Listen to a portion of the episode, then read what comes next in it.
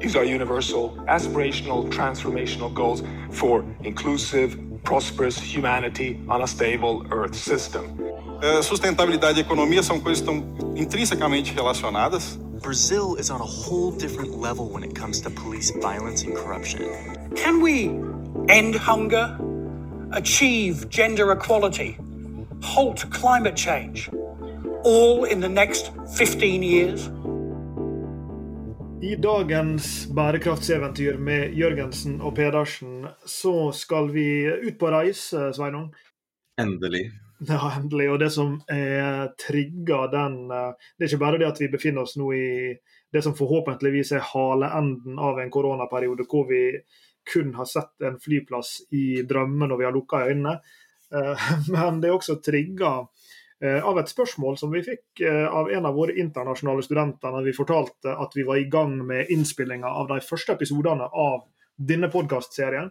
Og da sa han at ja, nå har jeg vært i, i Norge og studert, eller det vil si vært i Norge i hermetegn, for dette var en amerikansk student som da har vært på utveksling i hermetegn på NHH, eh, men hele tida befunnet seg i USA. Og så hadde han da fått et innblikk i bærekraftig business à la Norge. Og så var han slått av eh, de ganske betydelige forskjellene i hvordan sustainable business som fenomen arta seg i Norge kontra i USA, der han var hjemmehørende. Og så spurte han oss hvordan er det her med Kall det geografiske forskjeller, kulturelle forskjeller. Altså Er sustainable business det samme hvor enn du går? Eh, er eh, utfordringene de samme? Er løsningene de samme? Er etterspørselen, mottakeligheten ja, Dette kunne en jo ha laga Sveinung, som du hører, en hel podkastserie om. Men dette er jo utfordringer som trigger den episoden vi skal inn i nå.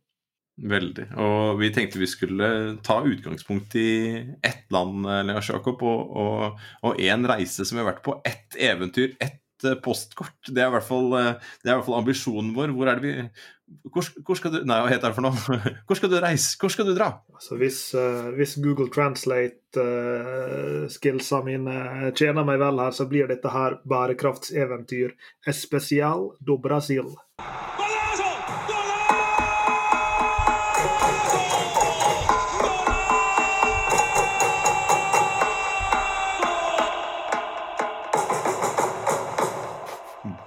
Hva skal jeg si? Bånd. Bånd. Er, det ikke det? Vi hadde knapt nok klart å snakke oss verken inn eller ut av en, eh, en, bar i Brasil. Skjønt, det har vi for så vidt gjort, begge deler. Men, men eh, vi skal altså ta en, en, reise vi hadde, som for så vidt ikke bare var en reise, men, men det, var jo, det, sju dager eh, der vi befant oss i, i Brasil på et veldig spesifikt bærekraftseventyr som, som uh, varte Eller det begynte lenge før vi dro, og det varte uh, lenge etter vi hadde kommet hjem. og Vi skal komme inn på grunnene uh, til det. Men, men disse, denne uka vi hadde sammen, jeg og du Sveinung, i, i Brasil, spesielt i, i da, Sao Paulo og Rio de Janeiro, møtte vi mange folk som jobber med sustainable business der nede. Det var forskere, det var gründere. Eh, det var eh, nær sagt erfarne næringslivsfolk. Eh, det var sågar aktører i, i, i offentlige institusjoner, og som kikka på dette fra ulike så var, det, så var det også en del ansatte på barer. Ja, det var det også. Dette er jo en, en voksenpodkast, og eh, jeg vet ikke om vi var under én i promille på hele den turen, men vi lærte veldig mye, og vi opplevde veldig mye. Eh, vi vi forelska oss jo helt eh, ja, nesten naivt, sikkert, eh, i det, det, landet på den uka. Vi begynte, begynte, turen, reiste ned til selveste Du har en finger i været, du. Ja, men du skal få lov å fullføre setningen. Ja, ja, men det står helt stille for meg. Hvor har du landa? Vi, vi landa i Sao Paulo midt på, på natta brasiliansk tid. Uh, men, men, grunnen til at jeg rakk fingeren i været, det er jo at vi, vi må litt tilbake igjen til utgangspunktet her. Fordi vi hadde vi hadde en fantastisk eh, prorektor på det tidspunktet eh, på, på Norges handelshøyskole, som nå er rektor på eh, Universitetet i Agder. De heldiggrisene der nede har Sunniva Whittaker som sin rektor i dag. Og, og, hun var prorektor for internasjonalisering på NHH den gangen. Hun er jo professor i fransk. Og, og, var veldig viktig for internasjonalisering av NHH i, i, veldig mange år. Og arven lever videre etter at hun har har flytta til Agder. Og det var hun som egentlig trigga det her, fordi hun stakk innom eh, kontoret vårt og, og spurte, eller kontoret mitt var det vel, og, og spurte er det greit at jeg skriver dere inn i en søknad om et internasjonaliseringsprosjekt i Brasil. Ja, ja, ja, sa vi. Eh, og tenkte ikke mer på det før vi plutselig satt på et fly. Sånn sett så var jo ikke Sunniva ikke bare, var ikke bare pro rektor, hun var pro Jørgensen og Pedersen. Og, og, og hun ville, ville, ha oss ut, ut, og hadde lyst til å integrere mer av det vi holdt på med faktisk i utdanninga. Og dette her var nok et, eh, et lite ledd i en, i en plan i, i, så måte. Og dette internasjonale programmet da, hvor vi skulle samarbeide med, en, med et universitet der nede. Eh, og vi skal ha utveksling på tvers. Det skulle være studentutveksling. Eh, og som du sa, dette her tok vi jo med oss langt utover reisen til Eh, til, Brasil. For dette her ble jo også da et, et program etterpå både med, med, kurs på tvers og også utveksling, hvor studenter fra NHH reiste, reiste og reiser kanskje ennå til Brasil for å jobbe på et par virksomheter som vi skal komme tilbake til underveis. Dette skal vi komme tilbake til. Og Det som eh, Sunniva da hadde fått til, det var et samarbeidsprosjekt med den handelshøyskolen som blir kalt for Latin-Amerikas Harvard. Eh, dette er en handelshøyskole som heter FGV, og ligger i Sao Paulo i et nydelig, eh, på et nydelig lite tun i, i utkanten av ja, dette gigantiske sentrum. Jeg vet ikke hvor det starta og slutta, for så vidt. Det var der jeg, begynte i stad, for jeg forestilte meg fly, flyturen inn dit. Og du kommer da over Sao Paulo, som, som, du tror er en by, men det er jo bare en by etter by etter by etter by. Og den inn, den, man kjører inn der. Det er Én ting er å, å, lande på Gardermoen, da svinger man jo ofte over Oslo, og så skjønner man at det er en nedstigning, men det er mye, det er mye skog imellom. Eh, mens i Sao Paulo så bare den endeløse asfaltjungelen Eh, som er der nede, og lande der i det trøkket. Og Det var en del uroligheter i landet der, og det var en del demonstrasjoner akkurat da, husker jeg. og vi ble sånn, vi var sånn, Folk var litt sånn Nei, dere burde ikke gå ut i gatene og sånne ting, men det gjorde vi jo absolutt. Eh, vi sto jo der på gatehjørnet på, på kvelden med deg i tårer i, tårer i øyekroken med sju-åtte sånne unger som sto og spilte samba-tromme, mens en uh, uteligger kom forbi og bare fikk lov til å ta over en av trommene, og så jamma de. så det holdt før han gikk videre og, og plukka flasker, eller hva han holdt på med. Ja, Det var fantastisk. Og dette var jo den dagen som du viser til. Det var en stor, eh, det var en stor demonstrasjon den dagen, som, som var en demonstrasjon mot eh, den sittende regjeringa på det tidspunktet. Eh, dette var jo pre-Bolsanaro, så det var med forrige, forrige regjering. Og, og, det var jo korrupsjon. Apropos bærekraft. Det var jo, det var jo den sosiale bærekraften som særlig eh, fikk folk til å gå til gatene der nede, selv om de har miljømessige utfordringer. og Dette skal vi komme tilbake til eh, litt senere.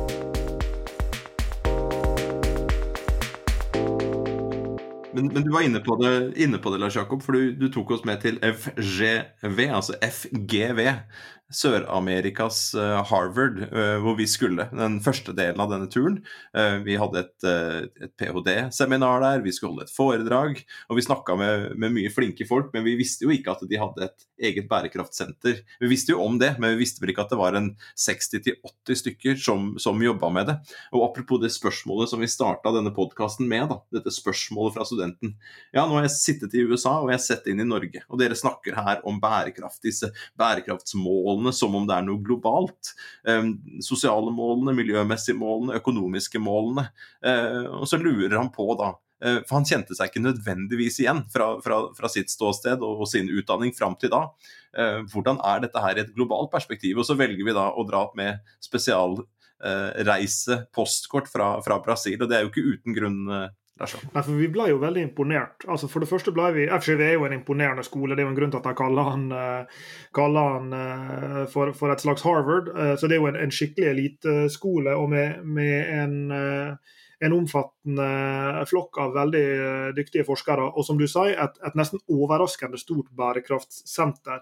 Eh, og Allerede der lærte vi jo noe, fordi at selv om det der var forskere som var eksperter på vannproblematikk, de var eksperter på, på eh, avskoging og problemstillinger knytta til, til, regnskogen, der var folk som jobba med, med energi, der var folk som jobba med CO2-utslipp. der var en kvinnelig forsker der som jeg i farten ikke husker navnet på, som hadde studert uh, bærekraftig finans i tilknytning til, eh, til børsen i, i, Brasil, og hadde laga rammeverket som, som de benytta der nede.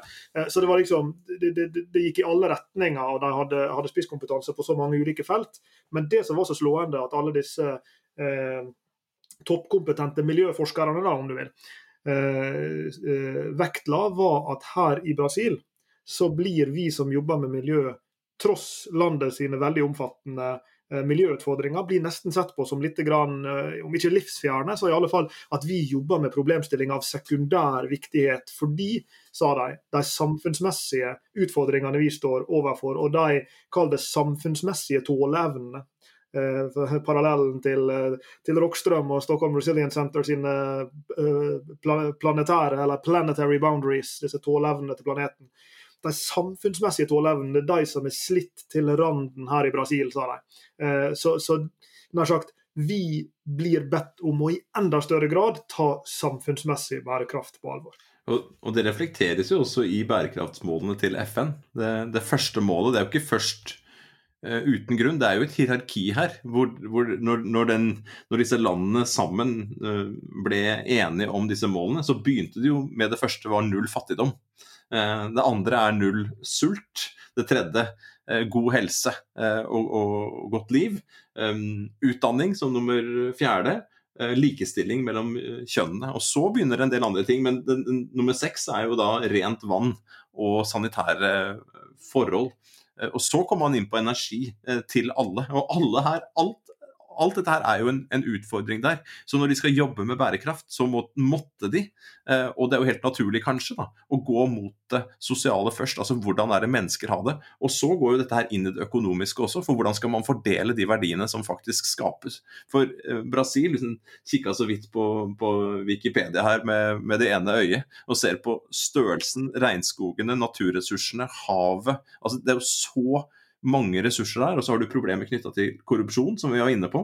Så har du problemer knytta til fattigdom, og så har du problemer knytta til helse osv. Og, og, og en, av de, en av de grunnene eh, til at vi gleda oss veldig til å reise nedover, det var jo ikke Sao Paulo, det var jo ned i Rio.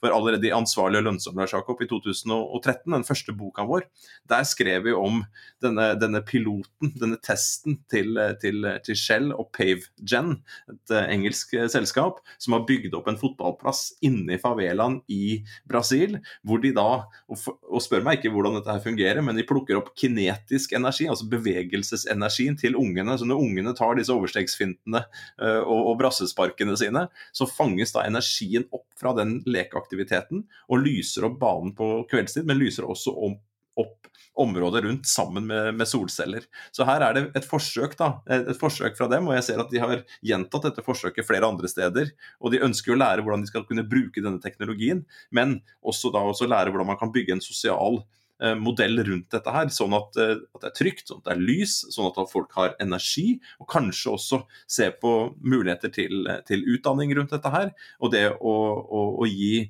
folka i slummen, altså favelaen, et uh, håp da, uh, om en annen type fremtid. Så det er jo bærekraft i, i praksis på så mange vis. Og dette var jo et sted som vi hadde lyst til å besøke, og vi, vi endte opp med å ikke, ikke, gjøre det. I samråd med sjåføren vår som skulle kjøre oss opp i favelaen, som hadde grunn til å tro at de som sto og forvalta tilgangen til denne fotballbanen, ikke nødvendigvis ville være positivt innstilt. Så vi endte opp et annet sted.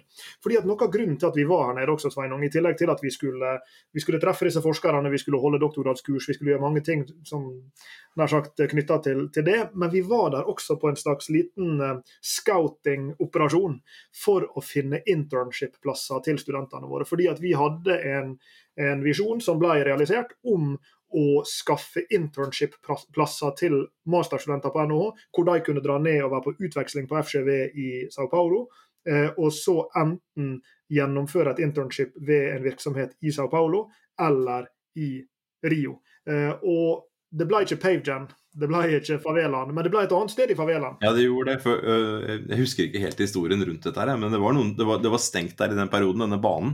Og det var jo en snakk om en, noen som hadde tilgang til nøkkelen. Men uh, de som hadde tilgang til nøkkelen, var ikke nødvendigvis noen som vi burde være sammen med, uten å, uten å dra den altfor langt uh, ned, i, ned, i, mafiaen. Men det, det, var noe, det var noe som ulma under der, og vi ble guidet i en annen retning. Og det var litt tilfeldig da, at vi endte opp på Gastromochiva.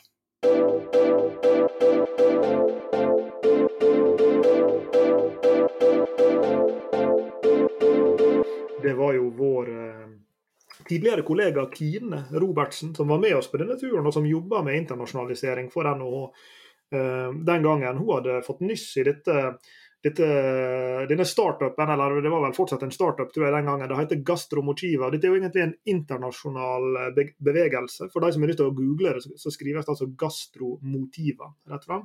Eh, og, og, så vidt jeg vet, så starta dette her faktisk i Italia.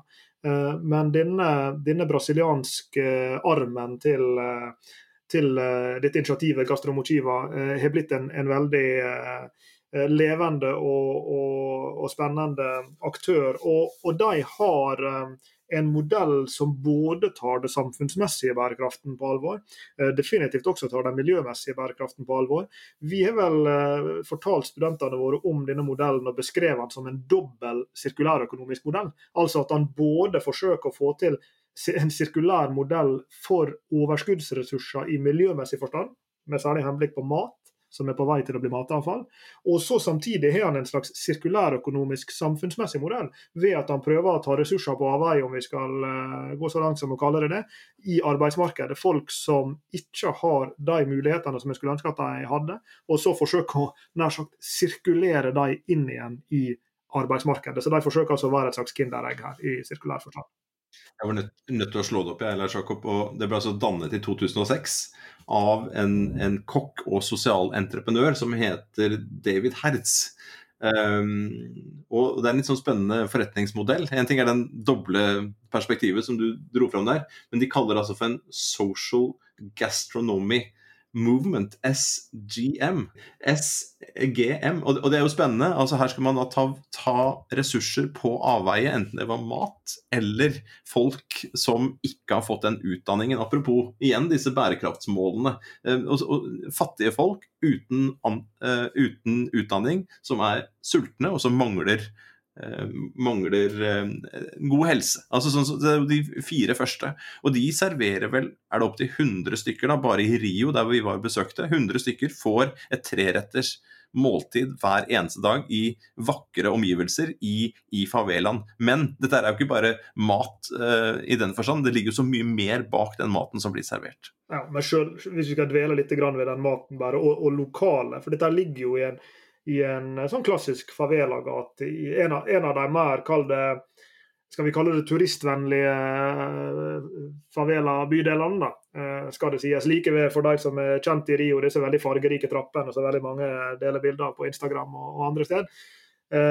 Så har de dette lokalet som er som en slags stor hall, kledd inn, innvendig i, i sponplate på en veldig lekker måte. Det må være noen flinke arkitekter som har vært involvert i det her. Og generelt spiller jo det visuelle en stor rolle i, i denne forretningsmodellen til Gastromochiva. Og vi ble jo møtt av den daværende kommunikasjonssjefen som heter Mariana, en fantastisk eh, karismatisk type som, som, var med på å lede, lede denne fasen av, av veksten til, eh, til Gastromochiva. Og, og, som du var inne på, der ble det også servert treretter trerettere til, til hjemløse og, og, og, andre fattige under den logikken. Hvorfor skulle ikke de spise treretters middag når vi andre gjør det. Eh, og, og, så var jo noe av, av modellen her, da. Eh, det, det, er jo en sånn eh, alliansemodell, egentlig en slags partnerskapsmodell. Fordi at Gastromochiva var på det tidspunktet i alle fall finansiert av flere store akt internasjonale aktører, deriblant Carrefour, franske Carrefour, som er jo i, i retail leddet, og som er en gigantisk aktør. Jeg lurer på om Coca-Cola var en av finansieringskildene også.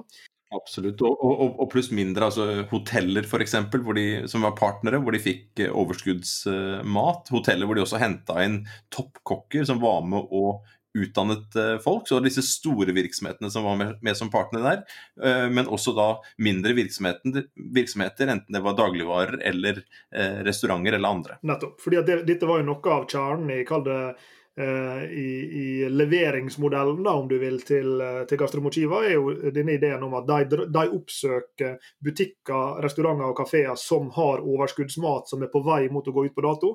Eh, så får de denne, denne maten. de forhindrer dermed at han blir matavfall, og så istedenfor serverer de han som, som nydelige måltid til til disse uh, gjestene. Og, uh, og, så i tillegg, som du er inne på, så var disse kokkene, da, som er en viktig ressurs her, men som ikke er Gastromotiva sin, sin i hermetegn egen ressurs. De er ikke på lønningslista til Gastromotiva. Tvert imot så jobber de pro bono for uh, denne aktøren i regi av sine egne arbeidsgivere, hotell og restauranter som de jobber på.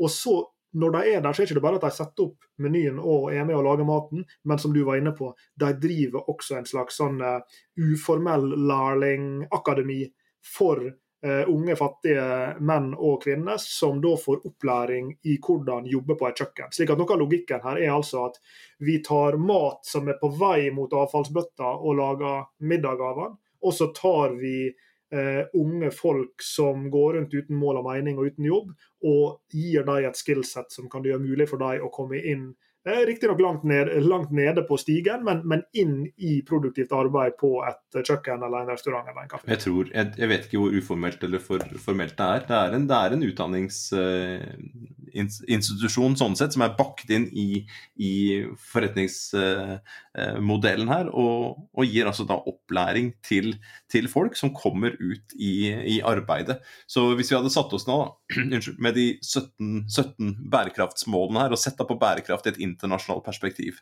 så ser vi litt sånn ut fra starten her at de, de sosiale målene eh, er representert og veldig viktige. Så ser vi at det er miljømessige mål. Vi vet jo hvor enormt eh, fotavtrykk eh, matavfall har. Altså all den maten vi kaster, har et, har veldig veldig stort eh, fotavtrykk. Så det å hindre matavfall er, er, er, viktig. Så har du utdanning, og så har du dette sirkulære.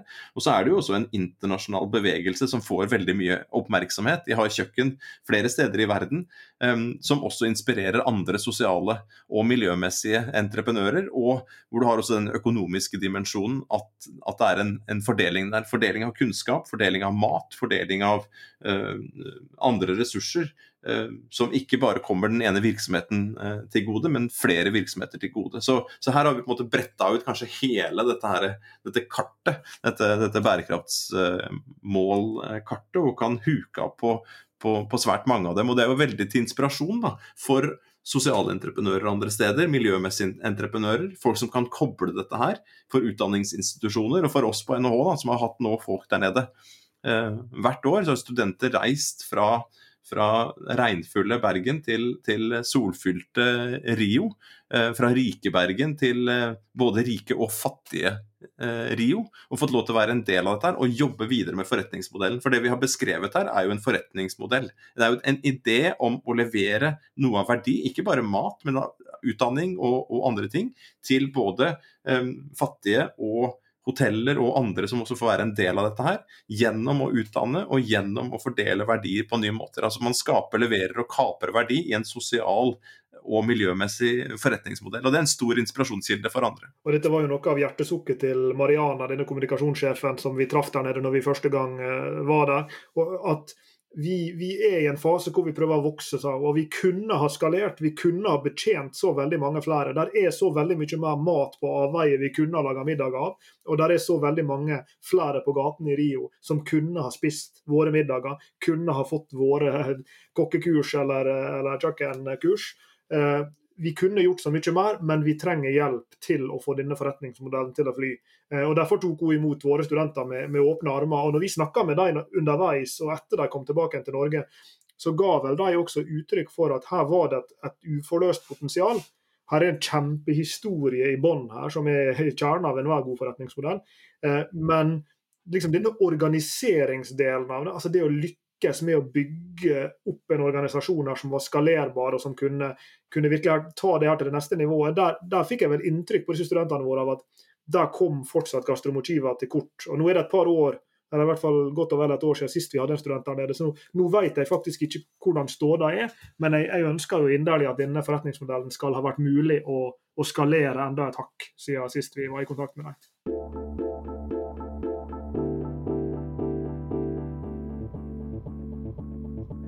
Vi kan jo ta en liten, en liten Man kaller det på engelsk en Segway der mellom dette eksempelet og det andre eksempelet. For vi besøkte en bedrift til der nede. Eh, stor norsk eh, virksomhet med kontorer og operasjoner i, i, i mange land. Eh, og som også har en særdeles viktig bærekraftsdimensjon. Men her snakker vi ikke om et, eh, et kjøkken som, som, utdanner folk. Her snakker vi om et selskap som, som utnytter energi til å lage kunstgjødsel som gjør at man kan dyrke eh, mat mer effektivt i hele verden. Eh, og der har vi også hatt folk etterpå, Lars Jakob. Mm, litt lengre bak i matkjeden, altså. Eh, og, og, dette selskapet heter jo på det tidspunktet vi besøkte dem i Sao Paulo, Galvani Industria. Det heter ikke det lenger, nå heter det Yara. Yara var jo eh, nær sagt eier av en ganske stor del av selskapet allerede den gangen da de var samlokalisert, det norske Yara-kontoret og Galvani. Eh, men siden den gang har Yara kjøpt opp resten av selskapet, så dette er nå eh, fullt ut integrert i Yara sine Brasil-operasjoner. Og omtrent på det tidspunktet vi var der, det var jo da Yara offentliggjorde at de skulle investere var det to milliarder, kan det stemme, i Brasil-operasjonene sine, for de så at der var det kjempepotensial til å skalere opp. Og, og her har jeg lyst til å bare trekke en liten, en liten side note. fordi Jeg husker en ting som skjedde når vi, når vi var eh, nede i dette fantastisk eh, flotte strøket av Sao Paulo, hvor, eh, hvor disse kontorene ligger. Og vi tok noen bilder og, og delte på, på Facebook-sida vår, Jørgensen Pedersen-sida på Facebook. Og så fikk vi, fikk vi noe kjeft, husker jeg, i, i kommentarfeltet. Besøker dere Yara, liksom? Eh, og Dette har vi reflektert over mange ganger før, og vi har til og med snakka om det med, med bekjente i Yara, som helt sikkert ikke er u, uvant med og ukjent med denne typen kritikk. Det var så interessant hvordan så mange av, eller en del av, av våre følgere og våre bekjente um, var kritiske til at et sånt selskap som Yara skulle ha noe med bærekraft å gjøre. Uh, og, og, Dette er jo litt interessant i en sånn uh, Eh, i en verden hvor vi må leve med disse dilemmaene, og hvor vi må leve med begge sidene av, av mynten, at det, det vakte en sånn liten uh, gut reaction. Du, når vi skal snakke om bærekraft i et internasjonalt perspektiv, um, og vi snakker om bedrifter, så er det jo det er, jo en, det er jo en vei som er asfaltert med paradokser og utfordringer og problemer. Um, dette kunst, denne kunstgjødselen som, som, som, gir så mye muligheter på den ene siden, uh, hvor det selvfølgelig er utfordringer knytta til, til, at man, man, gjødsler for mye. Det er avrenning uh, og, og andre negative implikasjoner av det, av det, produktet. Så hvordan lære opp folk til å bruke det riktig?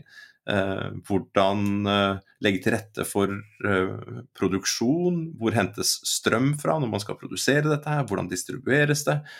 Hvordan gis andre konkurrenter muligheter til å operere i de landene hvor man da kommer, hvor kanskje alternativet er, er, er eh, organisk gjødsel på, på, på, ulike måter. Så vi er jo ikke blinde for de utfordringene, bare så det er sagt. Men vi, er jo, vi, er jo, vi tennes jo av Lars Jakob å forsøke å gjøre bærekraft til big business. Og Det betyr at virksomheter som dette her også er nødt til å, å, å se på hvilke skyggesider de har, og hvilke positive eh, sider, solsider, eh, virksomheten har, og være klar over dem. og endre forretningsmodellen. Og, og i våre diskusjoner da, med, med, Yara der nede, så var de jo helt åpne på det. Her har vi både eh, en, en, en, utfordring, og vi, har, eh, vi løser mange problemer allerede. Og så ønsker vi å gjøre nedsiden mindre og oppsiden større av vår virksomhet. Og, og, det er et, arbeid, et pågående arbeid også når vi har hatt diskusjoner med, med representanter fra ledelsen i Yara i Norge også. De, de, de, har jo lagt inn bærekraft i visjonen sin, i strategien sin. De jobber med å overbevise uh, ulike typer interessenter, også de som er eh, kritiske til det, um, at solsiden her er så stor, og vi jobber sånn med å redusere uh, skyggesiden, uh, at vi er på, altså på godt Eller vi er,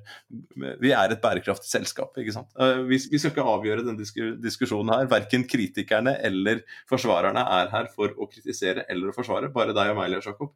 Men det å møte både da denne, denne sosiale og miljømessige entreprenøren Gastro Mochiva og møte Yara der nede. Dette spennet og de utfordringene det, det, forteller jo litt om bærekraft i et internasjonalt perspektiv, med eh, et, et blikk da på, på Brasil i, i, dette, i denne podkasten. Og Vi snakka jo også med andre aktører når vi var der nede, som eh, for så vidt ikke var brasilianske, men som, eh, som hadde lang erfaring med å forstå det brasilianske markedet. Vi var jo blant annet på det, på det, norske konsulatet i Brasil, som er jo den er unnskyld, i Rio, som, som er jo um, samlokalisert med uh, kontorene til, uh, til, det norske sjømatrådet. Uh, som selvfølgelig der nede er, er eh, godt representert, bl.a. pga. bacalaoens gleder. Bacalao de Noruega. Ja, vi var jeg husker vi holdt en, et keynote-foredrag på, på, en konferanse i Sao Paulo. Og så skulle vi forklare hvilken liten krok av verden vi, vi kom fra eh, som en innledning til foredraget vårt. og Da viste vi først den Bacalhau de Noruega-merkevaren. Eh, og da, da, fikk vi omtrent stående applaus i dette lille auditoriet. Men så skifta vi til neste slide, og der var det bilde av Kjetil Rekdal som skåra på straffe mot Brasil den gangen Norge slumpa til å slå Brasil, og da stilna det veldig raskt. Eh, vi måtte jobbe for å for, for, å få venner igjen. Men, men når vi var på besøk hos Sjømatrådet, hvor vi også har hatt studentene våre på, på internships, eh, så, eh, snakka vi jo en del med dem om, eh, om bærekraft i, det, i et kundeperspektiv. og Der, der fikk en vel et ganske entydig svar når vi diskuterte eh, hvorvidt eh, sjømatmarkedet er prega av kundeforventninger rundt eh, det som har med bærekraft å gjøre. Og, og svaret var vel ganske, ganske entydig. Eh, eh nei, og, og, hvis jeg husker rett, så brukte de et bilde som var noe i retning av at bærekraft er noe som, du, som starter etter, etter middagen eller etter frokosten. Altså med andre ord, Når du har en mett mage, da kan du begynne å, å diskutere hvor, hvor, fisken blir, blir produsert og under hvilke vilkår. Her er jo mange marked hvor vi vet at kunder etterspør fisk som er mer bærekraftig fremstilt, som har mindre i seg av ulike problem. Eh, hvor det liksom, ja, altså Alle disse kjente miljøindikatorene på fisk. da de eh, mente de vel at det var mindre bekymringer rundt i akkurat dette markedet. Brasil og bærekraft, eh, Lars Jakob. Bærekraft i et internasjonalt perspektiv. Vi har vært innom uh, bærekraftsmålene her som et kart. Altså de sosiale, miljømessige og økonomiske målene og de problemene som ligger under. Uh, så har vi dette globale. Liksom, er det likt overalt? Og, og hva slags utfordringer er det på ulike steder? Og jeg synes jo Disse eksemplene viser jo at det er noe som er særegent, men det er også noe som er allment. Her, her, her er det noen ting som er eh, særegent for dette eh, landet. Digert land med masse folk, mye rikdom, mye fattigdom mye naturressurser og, og, og, også aggressiv bruk av naturressurser. Eh, så har vi den der sosiale dimensjonen og, og deledimensjonen. og den, Noe av det er veldig, veldig unikt eh, for, for, dette landet og denne regionen. Og så er det andre ting som vi har sett på, på andre reiser og andre studier at, som går på, tvers, eh, går på tvers av land. Kan jeg få lov å nær sagt lage et, et lite sånn eh, kontrapunkt til det forrige jeg sa, nettopp i lys av det du sier her nå. Dette er et land med ekstremt masse folk ekstremt store forskjeller. Eh, og nær sagt fra, fra, fra topp til bunn og fra, fra, by til land. Altså, her er jo så, så, mange sånne linjer du kan, kan trekke opp her. Eh, men jeg har lyst til å trekke opp en, en kontrast til, eh, til dette fiskemarkedeksempelet jeg brukte her. Da. Altså det at, at sjømatmarkedet i, i, i Brasil, um, ifølge Sjømatrådet, da, Eh, så er ikke dette med bærekraft en slags differensiator for, eh, for, for kunden sitt eh, vedkommende. Men jeg, jeg kom til å tenke på et annet marked, eller et annet produkt. Fordi at i, i denne historien om, om, Brasil som varte lenge etter vi kom hjem, så var jo en av tingene som skjedde i forlengelsen av dette prosjektet, var at vi fikk finansiert um, utvekslingsopphold, ikke bare for våre studenter i Brasil, men også for FGV-studenter fra Sao Paulo som kom til uh, Bergen og var et semester på NHH. Og Det som er spesielt med, med med handelshøyskolene i Brasil, som i mange andre land, det er at det er mye vanligere at du tar en bachelor og så går du ut og jobber i noen år, og så tar du noe som minner kanskje mer om en, en norsk MBA. da, altså Så du tar en, en mastergrad er, hvor du i veldig stor grad trekker på, på praktiske erfaringer du har fra, fra, din første eller dine første jobber. Og Der fikk vi to fantastiske fyrer inn i kurset vårt, Sustainable Business Models. En som heter Rafael, eh, som hadde bakgrunn fra, fra kosmetikkbransjen, og en fyr som heter Mauro, som var arkitekt og hadde jobba med, med, byplanlegging.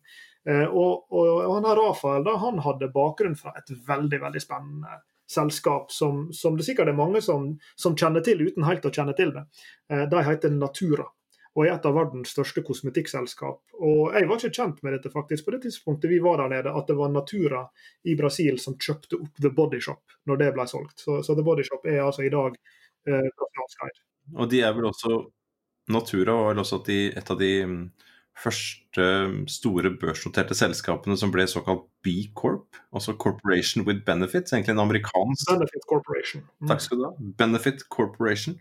Eh, de var tidlig ute med det, og det er jo en spesielt regelverk som, som, som, styrer driften av dette selskapet, sånn at det skal være mulig å ikke bare at overskuddet skal gå til eierne, men at overskuddet også kan kanaliseres mot sosiale, miljømessige og, og felles økonomiske målsetninger. Vi skal lage en B Corp-podkast en gang, så vi kan ikke gå inn på den delen. Men det å få disse studentene inn i vårt Eh, klasserom Lars Jakob, eh, i, i, Bergen med disse erfaringene. Og få opp den hånda når vi snakker om, eh, om Orkla f.eks. og plast. Og, og, og, for vi, vi, diskuterer jo mye, og vi forsker jo mye på, på kjønn og, og hvordan uh, ulike produkter blir Altså om bærekraftige produkter er like attraktive for, for begge kjønn. Hvor han forteller, fortalte den ene historien som jeg husker så godt, hvor, hvor de hadde en, en, en, en deodorant, hvis jeg husker det riktig som var på resirkulert plast, og som hadde bare bærekraftige ingredienser. Eh, og mot kvinner så valgte Natura å markedsføre dette her, men hos menn så lagde de det samme produktet, bare en svart eh, deodorant, som de bare kalte for deodorant. Det sto ikke et pip om verken miljø eller plast eller bærekraft eller noen ting. Eh, og litt av, litt av, tanken bak det var jo det at ok, hvis ikke kundene er klare for det, ønsker det, så får vi bare gjøre det beste, produsere de beste type produktene som vi kan, og vi får selge det som Eh, vanlige produkter uten å, uten å støte potensielle eh, negative kunder fra oss. Dette er et veldig spennende case som jeg vil oppfordre alle som er interessert til å, til å google seg fram til Natura Cosmetics og, og, og lese om bærekraftsarbeidere som er ekstremt omfattende og som er vart veldig veldig lenge. Eh, også for de som er det, akademisk anlagte, så finnes det vitenskapelige artikler som tar for seg dette case og ser på modellen. De har jo også en veldig spennende sånn eh, markedsføringsmodell hvor det er nesten som en slags sånn franchisemodell hvor hvem som helst kan bli selger. Litt, ikke à la Tupperware i direkte forstand, men, men, litt en sånn modell. Hvor de har et vanvittig distribusjonsledd ute, kall det på bakken. Eh, hvor husholdninger og enkeltpersoner kan ta på, på seg og bli distributører. Så de har en vanvittig reach utover i hele det langstrakte brasilianske land. Så Fra et forretningsmodellperspektiv så er Natura så interessant. Men dette bærekraftsperspektivet, altså hvor de har gjort så omfattende ting på, eh, på emballasje og på produktkarakteristika også. Det har jo vært med på å inspirere oss til å gjøre forskning på, på disse problemstillingene som, som, vi i dag forsker veldig mye på, knytta til f.eks. resirkulerbar og resirkulert emballasje. Eh, knytta til andre typer kall det grønne karakteristikker ved, ved produkt. Og, og jeg synes jo det er veldig fascinerende. og sånn sett Det var Derfor jeg trak, trakk opp her som en kontrast til dette fiskemarkedeksempelet. Så er jo dette helt i andre enden. at her har du et selskap som har kommet veldig veldig langt i å gjøre produkter og emballasjen sin mye grønnere. Og så har de også en veldig sofistikert tilnærming til markedskommunikasjon rundt det her. Hvordan de kommuniserer det på corporate nivå, hvordan de kommuniserer det til de segmentene som de mener har både nær sagt verdsetter det og har betalingsvilje for det. da med særskilt henblikk på kvinner, og, og hvor de overfor andre segment ikke kommuniserer det i det hele tatt. Så, så det er alt i alt et veldig veldig spennende kall det, forretningsmodell og bærekraftscase uh, for, for de som er interessert i å grave dypere.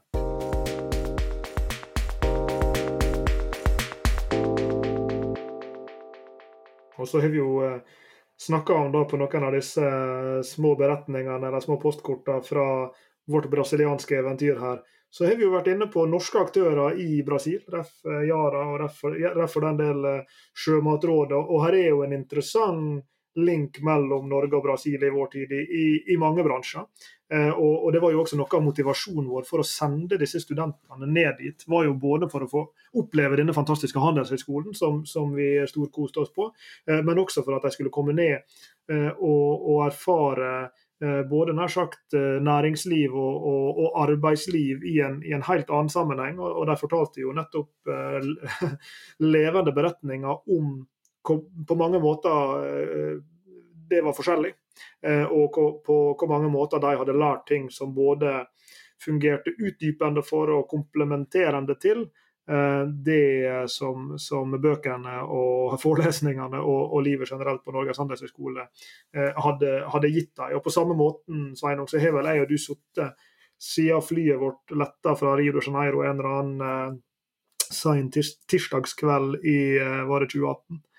Eh, har vi lengta tilbake igjen for Ja, å se hvor, hvor er landet nå, hvor er uh, utviklinga med hensyn til de miljømessige, med hensyn til de samfunnsmessige eh, utfordringene. Det er jo kommet et nytt regime i landet som, som eh, har sin måte å gjøre ting på.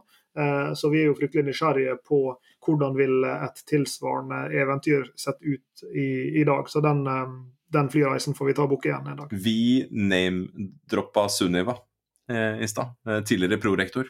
Eh, det er ett navn til som vi må legge inn på, på tampen her, og det er jo Kine Korsmo. Som eh, var med oss på, på turen som eh, superguide, som den tida jobba på, på eh, internasjonalt kontor på NHH.